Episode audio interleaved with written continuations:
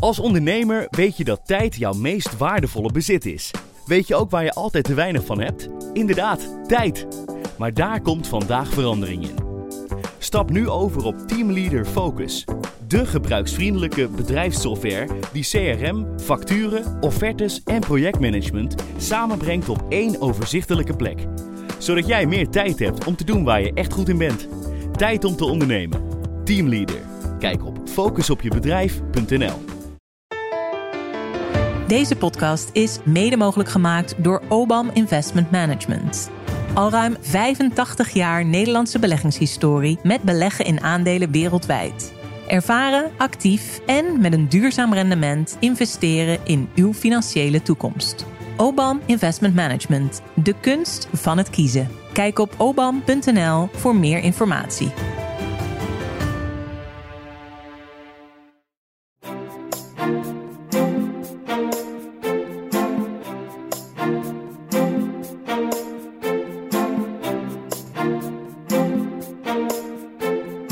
Dit is Kwestie van Centen, een podcast van de Financiële Telegraaf met Martin Visser en Robert Ophorst.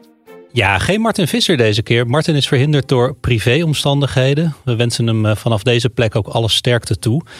Wie er wel is, is Connie de Jonge uh, van de DFT-redactie. Connie, dat heeft alles te maken met het onderwerp waar we het straks over gaan hebben. Maar toch eerst even, hoe zit dat bij jou thuis? Want ik weet dat Martin die woont in een goed geïsoleerde moderne woning op stadswarmte. Maar wij zijn thuis al behoorlijk aan het stoken inmiddels. Wij wonen in een woning van eh, begin 20e eeuw. We hebben de grootste isolatieproblemen wel aangepakt, maar het is toch, uh, ja, het toch, toch nog flink door op sommige plekken. Hoe is dat bij jullie? Nou, ik woon in een tamelijk modern huis. Het is 25 jaar oud ongeveer. Wij dat proberen... vind ik heel modern. Dat is best modern. Oké, nou, en wij proberen niet te hard te stoken, maar ik ben nogal koudelijk. Dus op het moment uh, gaat af en toe toch stiekem de open haard. We hebben een gashaard, die gaat af en toe stiekem s'avonds aan, zodat ik een beetje kan bijkomen. Uh, maar verder probeer ik wel op te letten. En ik heb, zit dus, als ik thuis zit te werken op mijn werkkamer, dan is het best koud. Ja. En dan heb ik nu sinds kort um, zo'n um, ja, zo'n staande verwarming. Die schijnt op elektriciteit voor een beetje bij uh, verwarmen. Want anders is het best koud. Want de verwarming ja. staat hooguit op 19 graden. Oh ja. En ik zit te ver van de verwarming af als ik zit te werken. Dus ja. ik, ik, ik, voel het ook soms wel een beetje koud hoor. Ook al heb ik dan een modern huis. Ja, nou dan vind ik 19 graden best bescheiden nog voor een moderne uh, woning. Bij ons staat die meestal op 18,5 of 19. Maar omdat het uh, toch matig geïsoleerd is... Uh, kan je voor hetzelfde geld een, een andere woning uh, die beter geïsoleerd is op, uh, op 21 uh, graden verwarmen. Maar... Nee, we proberen zuinig aan te doen. Oké, okay, oké. Okay. Weet je, voor het milieu vooral. Um, ter zake, Connie. Want grote verschillen tussen de politieke partijen, dat zien we nu ook weer bij het moeizame formatieproces. Maar over één ding zijn vrijwel alle partijen het eens in het verkiezingsprogramma. En dat is het minimumloon moet omhoog. Goed nieuws voor werknemers, maar veel werkgevers hebben er slapeloze nachten van. Wat betekent een hoger minimumloon voor een gemiddelde bakker- of schoonmaakbedrijf? En is een hoger minimumloon echt zo zaligmakend als veel partijen lijken te denken? Daar gaan we het deze kwestie van centen over hebben.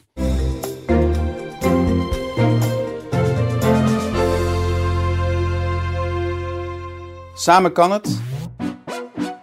En zo gaan we het doen. Minimumloon moet snel omhoog, naar 16 euro. Iedereen verdient bestaanszekerheid, ook de mensen die het minste verdienen. De belasting op werk moet omlaag, de belasting op vermogen moet omhoog. Zo verkleinen we de ongelijkheid in Nederland en zorgen er ook voor dat je meer overhoudt als je werkt. Mensen die werken verdienen meer zekerheid. Dus we willen vaste contracten voor iedereen en een einde aan de nul-urencontract. Dat is goed voor werknemers, maar is ook goed voor werkgevers. De ongelijkheid in Nederland is enorm gegroeid. Dat is onverteerbaar. Daar moeten we snel iets aan doen. Een gelijker Nederland betekent ook een gelukkiger Nederland.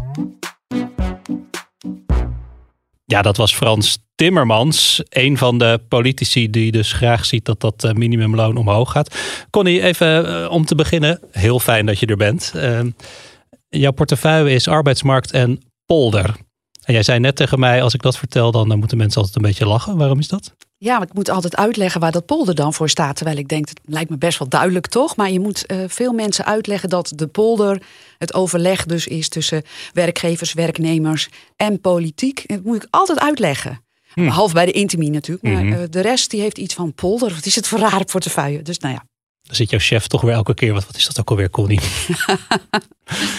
Even om te beginnen. Um, hoe hoog is het minimumloon inmiddels? Uh, en wat gaat er nou per 1 januari allemaal veranderen? Ja, dat minimumloon dat is nu afhankelijk van hoeveel uur je in een week werkt. Als jij 36 uur werkt, dan is het minimumloon 12,79 euro. Als je 38 uur in een week werkt, is het 12,12 euro. En als je 40 uur in de week werkt, dan is het 11,51 euro. Ja, en dat is dus al hoger dan het een tijdje terug was. Zeker, want het is uh, met name dit jaar flink verhoogd. Kijk, het wordt ieder jaar aangepast op 1 januari en 1 juli aan de andere CAO-lonen. Dat, dat noemen ze indexatie. Maar dit jaar uh, heeft het kabinet besloten, of dat hadden ze al eerder beloofd, het minimumloon uh, fors verhoogd met 10 procent. Um, en volgend jaar nemen ze een nieuwe maatregel per 1 januari. Dan gaat het verder omhoog, omdat ze dan zeggen: we stoppen met dat verschil tussen 36-urige, 38-urige en 40-urige werkweek. Iedereen krijgt straks 13,27 euro mm per uur. Ja. En dat betekent dat als jij dus nu een bedrijf hebt, in een sector zit met een 40-urige werkweek, dat dat een flinke loonstijging is die jij moet ophoesten. Want dat is rond de 11 procent. Terwijl als jij een 36-urige werkweek in je bedrijf hebt, dan valt de schade mee. Bij, bij een 38-urige werkweek komt er 5,5 procent bij door die maatregel. Mhm. Los van de indexatie, die ook gewoon doorgaat, want Ja. dat gebeurt gewoon ieder jaar. Ja, nou, die, die gevolgen voor eh, werkgevers, daar gaan we het zo uitgebreid over hebben. In welke sectoren verdienen verhoudingsgewijs veel werknemers het minimumloon? Ja, dat zijn vooral sectoren waar, die heel arbeidsintensief eh, zijn. En dan moet je bijvoorbeeld denken de detailhandel, hè, de winkels in de winkelstraten, de horeca en de schoonmaak en ook wel de beveiliging. Dat zijn eigenlijk de vier sectoren Mhm. waar met name dus nu de pijn zit van deze verhoging van het minimumloon. Want die ondernemers die klagen behoorlijk. Ja, als ik dat zo hoor, hè, beveiliging, want eh, minimumloon denk ik misschien toch ook vaak aan supermarkten, hè, eh, vakkenvullers. Maar beveiliging en schoonmaak, dat zijn ook vaak gewoon echt volwassen werknemers, toch? Dat zijn geen jongeren per se. Nee, maar het is ook niet zo dat iedereen natuurlijk dat minimumloon krijgt. Kijk, ehm, de helft van de mensen in Nederland die het minimumloon verdient, is onder de 25. Dus het zijn met name de starters eh, die hiermee beginnen. Ja. En naarmate je natuurlijk langer in de schoonmaak zit, langer in de horeca zit, langer in de winkel staat, eh, stijgt jouw loon. Mhm. Je wordt ook beloond voor je ervaring. Hè, maar dit zijn met name natuurlijk de starters die beginnen op het Ja. minimumloon. Dus de helft van de mensen die minimumloon verdienen is onder de 25, zeg jij. Ja. Hoeveel mensen in, in totaal hebben we het dan? Pakweg een half miljoen. Hoe doen wij het internationaal? Is het, is het hier het minimumloon hoger of lager ten opzichte van landen om ons heen? Nou ja, ik moet wel lachen, want de werkgevers die hameren er steeds op. Ja, we zitten bij de top 4 van eh, Europa eh, met die laatste eh, verhoging van het minimumloon erbij. Maar ehm, eh, we staan nog achter Duitsland, België en Luxemburg. Als je kijkt ook naar wat je met dat minimumloon kan doen. En want dat vind ik ook een reële vergelijking. Kijk, je kan wel zeggen dat ons minimumloon hoger is dan in Griekenland. Dat zal vast waar zijn. Maar ja, in Griekenland eh, zijn de kosten van levensonderhoud denk ik ook lager. Of in Estland, ik noem maar wat. Mhm. Eh, hè, maar als je dus meetelt, meekijkt naar die kosten van levensonderhoud, dan zitten we inderdaad eh, in de top 4. Wij staan op plek 4. Ja. Nou ja, we hoorden net eh, Timmermans inderdaad eh, over dat minimumloon. Het is, het is ook een belangrijk politiek thema eh, weer misschien. Ehm, je zegt de kosten van levensonderhoud. Ja, daar is natuurlijk veel over te doen de laatste tijd. Hoge inflatie, eh, veel aandacht voor bestaanszekerheid. Is dat ook de reden dat het nu zo op de kaart staat? Absoluut. Absoluut, want eh, kijk, die hele armoedebestrijding en die discussie over de toename van het aantal armen in Nederland, die hebben partijen ook wel degelijk gekoppeld aan een pleidooi voor het verhogen van het minimumloon of het verder verhogen van het minimumloon. En eh, het kabinet had natuurlijk, eh, het demissionaire kabinet inmiddels, een stap gezet. Maar heel veel partijen zeggen, we zijn er nog niet. Er moet nog meer gebeuren om die armoedeval te voorkomen. Hè? Want veel mensen die hebben wel een baan en kunnen toch er niet van rondkomen. Dat is het argument waarom eh, veel partijen zeggen, ja, we moeten nog verder gaan met die verhoging. Ja, nou, er was afgelopen september ook een eh, rapport hè, van de commissie Sociaal Minimum. En eh, die commissie concludeerde ook om de tekorten bij huishoudens op korte termijn op te lossen, moet het minimumloon omhoog, maar ook de bijstand en eventueel ook de huurtoeslag. Dus het is eigenlijk onderdeel, zou het moeten zijn van een breder pakket. Ja, en nou ja, het is in Nederland ook zo dat als het minimumloon stijgt, dan stijgt de bijstand mee. Want we hebben natuurlijk de beroemde koppeling, hebben we ook wel eens een tijdje losgelaten, maar hij is hersteld. En dat betekent dus ook dat als het minimumloon omhoog gaat, dat de bijstand ook omhoog gaat en ook de AW stijgt mee.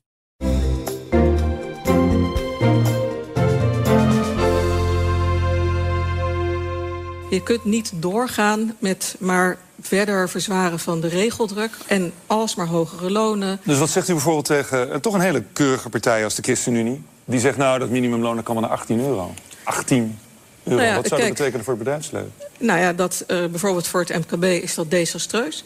Uh, die gaan daaraan kapot. Ja, dat was Ingrid Thijssen van uh, VNO-NCW, werkgeversorganisatie bij het tv-programma WNL op zondag. Jij uh, bent ook uh, op pad geweest voor een verhaal in de Telegraaf om eens te peilen wat dat uh, verhogen van het minimumloon nou betekent voor, voor werkgevers. Um, een, welkome, een welkome opsteker is het voor werknemers, maar voor veel werkgevers en ondernemers zorgt het toch de nodige hoofdpijn. Um, waarom is het zo'n hoofdpijndossier? Nou ja, het is gewoon een kostenstijging voor die ondernemers. En die hebben natuurlijk nog wel meer aan hun hoofd. Uh, want de energieprijzen stijgen, uh, de huren stijgen. Uh, nou ja, wat zou ik, weet je, ja. hun inkoopprijzen stijgen. Ja, dus het is. Afgezien van dat laatste zijn dat natuurlijk allemaal dingen waar hun werknemers ook mee te maken hebben. Zeker. En uh, ze roepen ook in koor als je met ze praat dat ze echt uh, hun werknemers ook het allerbeste gunnen. Uh, en dat ze ook heel goed begrijpen dat die werknemers meer willen verdienen. Alleen zij zeggen we moeten het op een gegeven moment wel kunnen doorrekenen. En ik sprak bijvoorbeeld een bakker, een, een vrouw die een, een bakkersonderneming runt, een grote met 105, 75 mensen in dienst heeft ze, meerdere winkels. En die bakken, die distribueren, die verkopen. Ze hebben best wel een groot bedrijf. En die zegt ook van ja, ik kan mijn taartjes niet eindeloos duurder maken. Ik kan ook voor mijn brood geen 5 euro gaan vragen. Er zit een grens aan. Die, uh, ik sprak een uh, ondernemer in de schoonmaaksector. die zegt, ik kan mijn tarieven niet eindeloos verhogen. Zij ziet ook dat, zij heeft haar tarieven al verhoogd. Dat er klanten zijn die om die reden weglopen. Die zeggen, ja, uh, ik doe het wel zelf. Ik huur een ZZP'er in. Uh, ik doe het wel zwart. Die is ze dus gewoon kwijt. En mm -hmm. zij zegt, uh, mijn trouwe klanten, die blijven. Maar zij ziet met name dus haar nieuwe klanten. Ja, die zijn kritischer en die zeggen, ja, ik vind het te duur. Mm -hmm. Maar was hier dan helemaal niet over nagedacht in, het, in, het, in de politiek? Ja, dat denk ik vast wel. Maar ik, ja, je hoort de ondernemers niet voor niks roepen dat zij zich een soort pinautomaat voelen. Um, kijk, um, als je spreekt met de werkgeversorganisaties, uh, die zeggen ook: um, realiseren mensen zich wel hoe groot de kostenstijging inmiddels is van die toch voortdurende stijging van het uh, minimumloon. Het is steeds in kleine stapjes aangepast. Dit jaar een grote stap. Komend jaar eigenlijk per 1 januari dus weer een behoorlijk grote stap. Hè, want die, dat kost ondernemers toch tussen de 4 en de 11 procent. Los van hè, de normale aanpassing, eh, het feit dat je dus nu die, die, die uurlonen mm. anders gaat berekenen. Zij zeggen we zitten in sommige sectoren op kostenstijgingen nu van zeg maar 15 eh, tot 30 procent. Ja. Wat een ondernemer moet doorrekenen. En uh, zij zeggen uh, dat heeft de politiek zich volgens ons totaal niet gerealiseerd. Ja. Dit weten heel weinig mensen eigenlijk dat het zo hard gaat. Mm -hmm. En het is ook niet genoeg dus nog voor de politiek. Hè? Daar hadden we het net ook even Ze willen nog meer. Ze willen, nog, meer. meer. Um, nou zitten veel bedrijven ook met een enorm arbeidstekort. Hè? ABN AMRO die bracht eind oktober ook nog een rapport uit over de personeelsproblemen bij de zakelijke dienstverlening. In de schoonmaak bijvoorbeeld. Nou, je, je noemde net dat voorbeeld van schoonmaakbedrijf. Maar in de schoonmaak zegt bijvoorbeeld 80% van de ondernemers dat ze door een gebrek aan mensen niet meer kunnen werken zoals ze eigenlijk uh, willen. Uh, bij hoveniers is dat percentage nagenoeg gelijk. Nou, dan doen we gelijk uh, beelden op van uitpuilende prullenbakken, bureaus vol met kofferbekertjes en zwarte ramen in uh, slantskantoren. Um, in dat rapport schreven potentiële werknemers ook aan van ja, we kiezen nu voor andere bedrijven, kunnen we meer verdienen.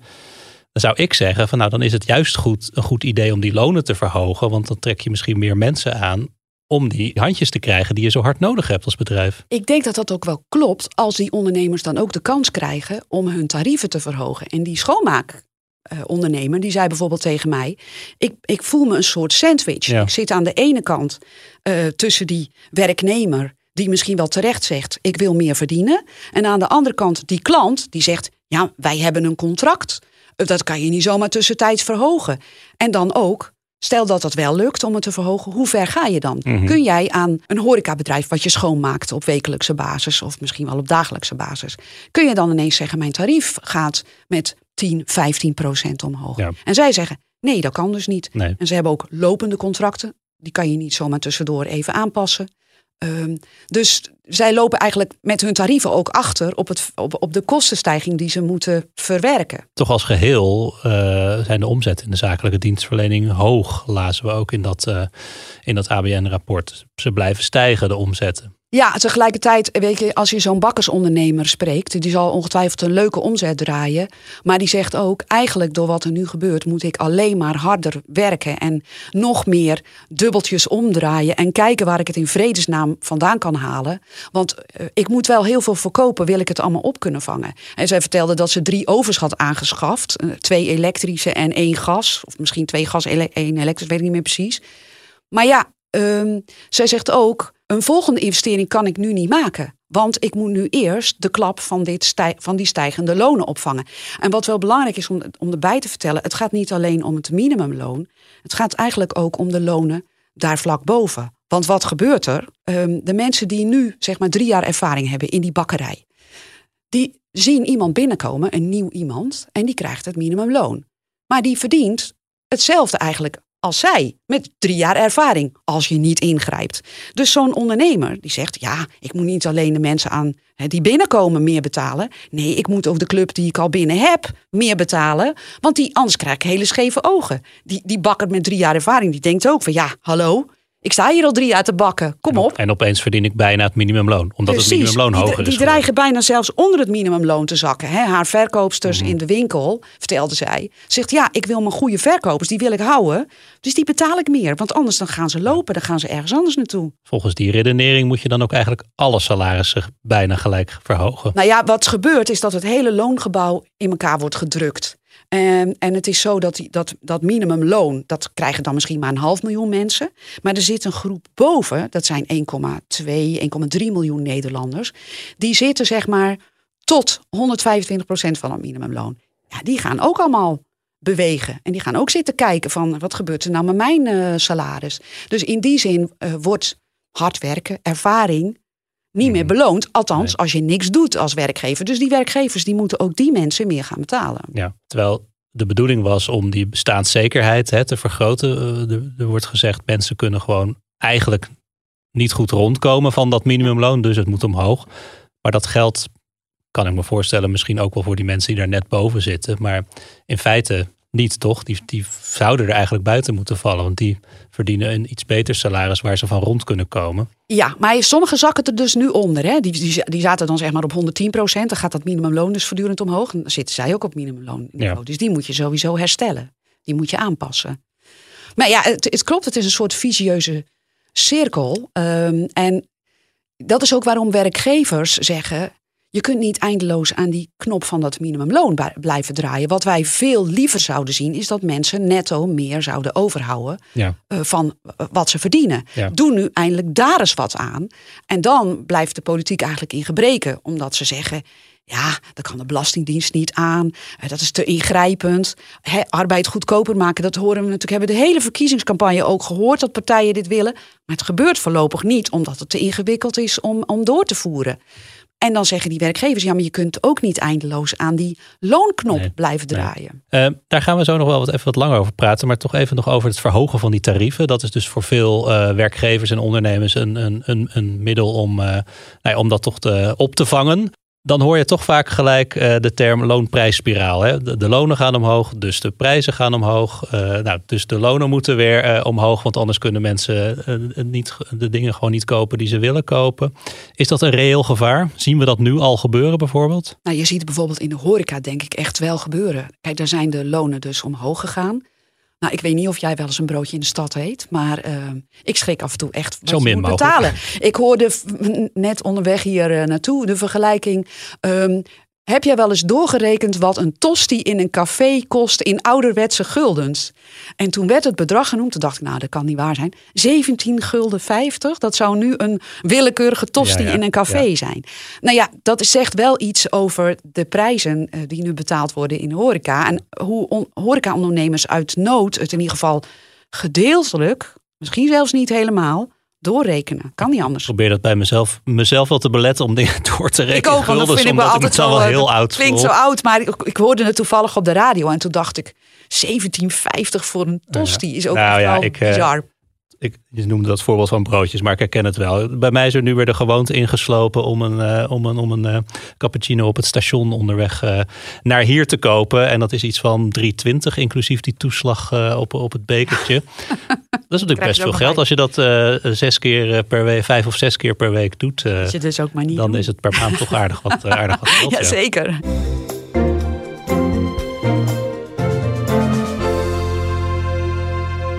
Hoe staat Brussel hier eigenlijk in? Want uh, werkgevers die klagen dat ze een hoger minimumloon niet kunnen betalen, die hoeven in ieder geval niet op compassie te rekenen van uh, Eurocommissaris voor Werkgelegenheid en Sociale Rechten Nicolaas Schmid.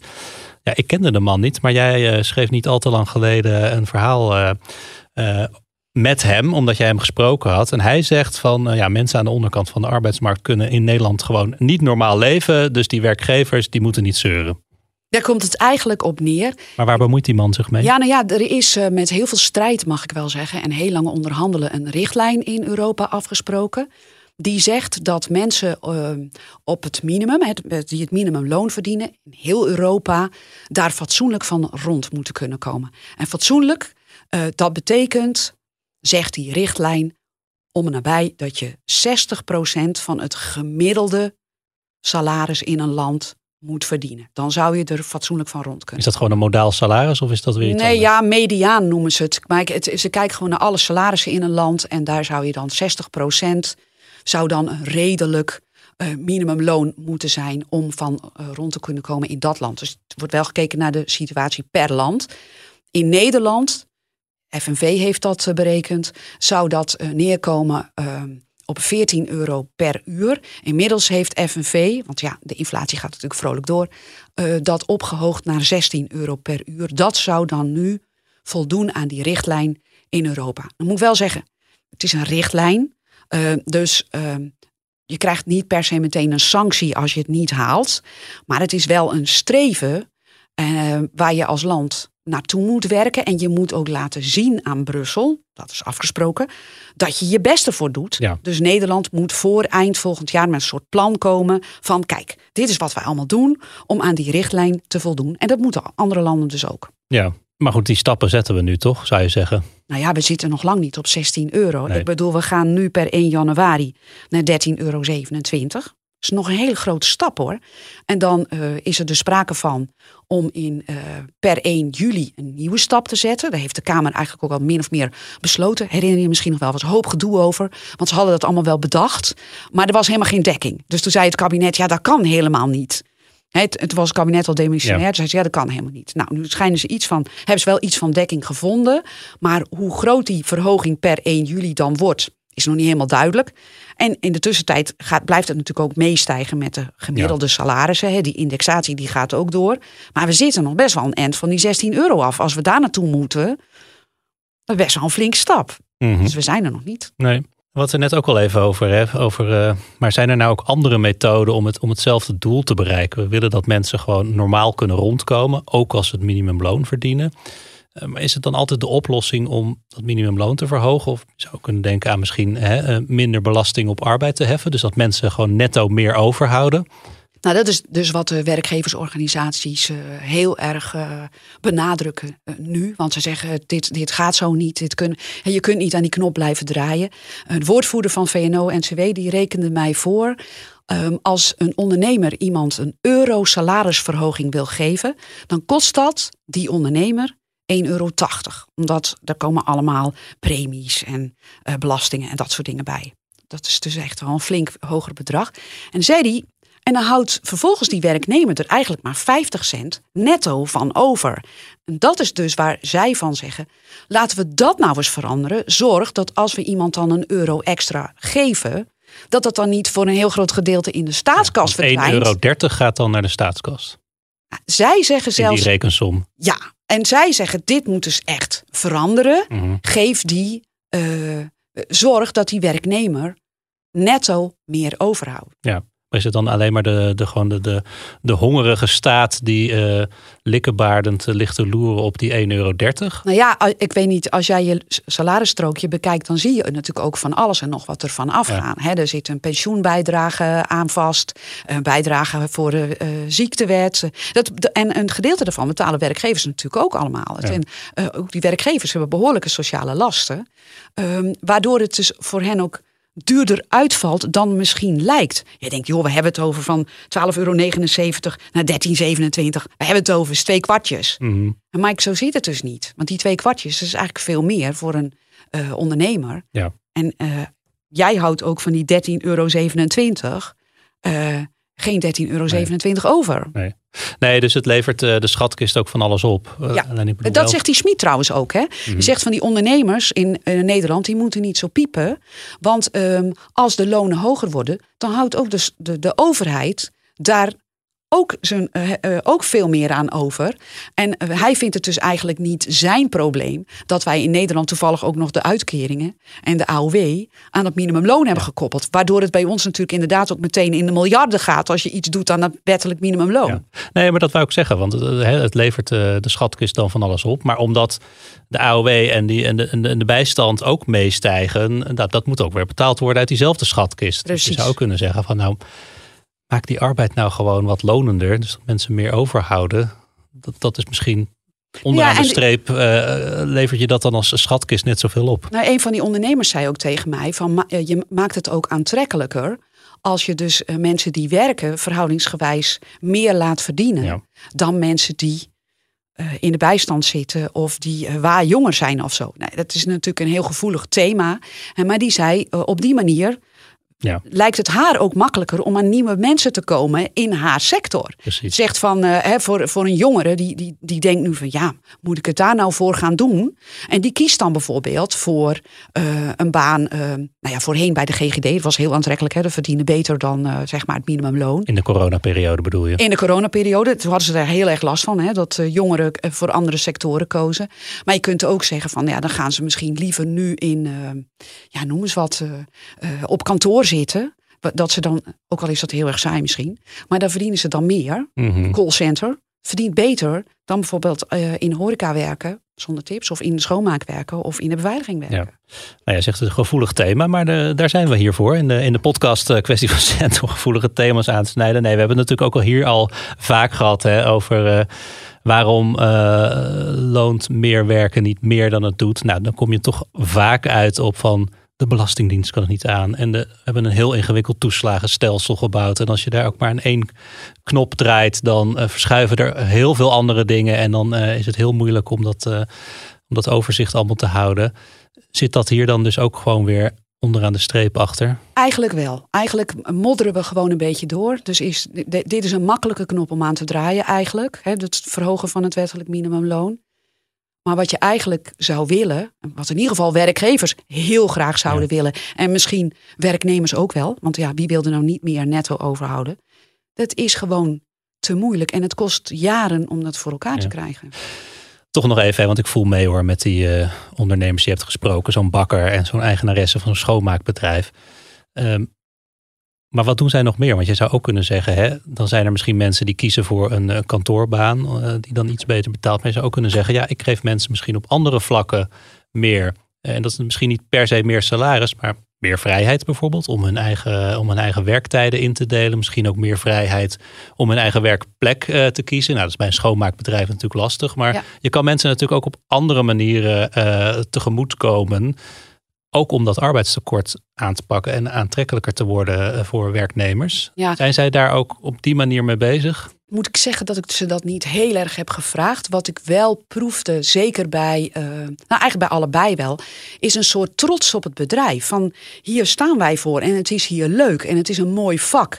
En zeker bij die bakker, Ja, daar stonden allemaal mannen. Ik, het waren allemaal mannen toevallig. En de, de basis dus een vrouw. He, maar al die bakkers die stonden daar echt gewoon uh, fluitend uh, te kneden. En, uh, fluitend krom, hun krompoezen te kneden. Krompoezen. Nou, dus ik kreeg zo'n roze laagje. Want ik zei ook, je doet dus eerst het roze laagje. Ja, eerst het roze laagje. En dan ging je het opensnijden. En dan kwam de crème erin. He, maar die mannen waren ogenschijnlijk gewoon toch ook trots op hun vakmanschap. En ik denk, dat moet je niet vergeten. En dat benadrukte zij ook heel erg. Ze zei, het is een heel mooi vak wat wij hebben. Uh, het, het gaat niet alleen om de centen. En ik denk uh, ook in de schoonmaak geldt dat, dat mensen er eer in kunnen halen in wat ze doen. En dat dat goed is en dat je daarvoor staat. En dat proefde ik wel heel erg bij die ondernemers. En dat, dat, ik denk dat ze dat ook wel uitdragen gewoon naar hun mensen. Van uh, je moet trots zijn op wat je doet en wat we hier bereiken met z'n allen. Ja. Toch wat je zegt, kan ik inkomen. Er zit een grens aan het verhogen van die prijzen. Op een gegeven moment komen mensen gewoon niet meer. Ook al is een uh, cappuccino 320, ja, als het op een gegeven moment 1320 is, dan, uh, houdt het op. dan houdt het op. Ja. Wat betekent dat voor uh, de mensen die je in dienst hebt?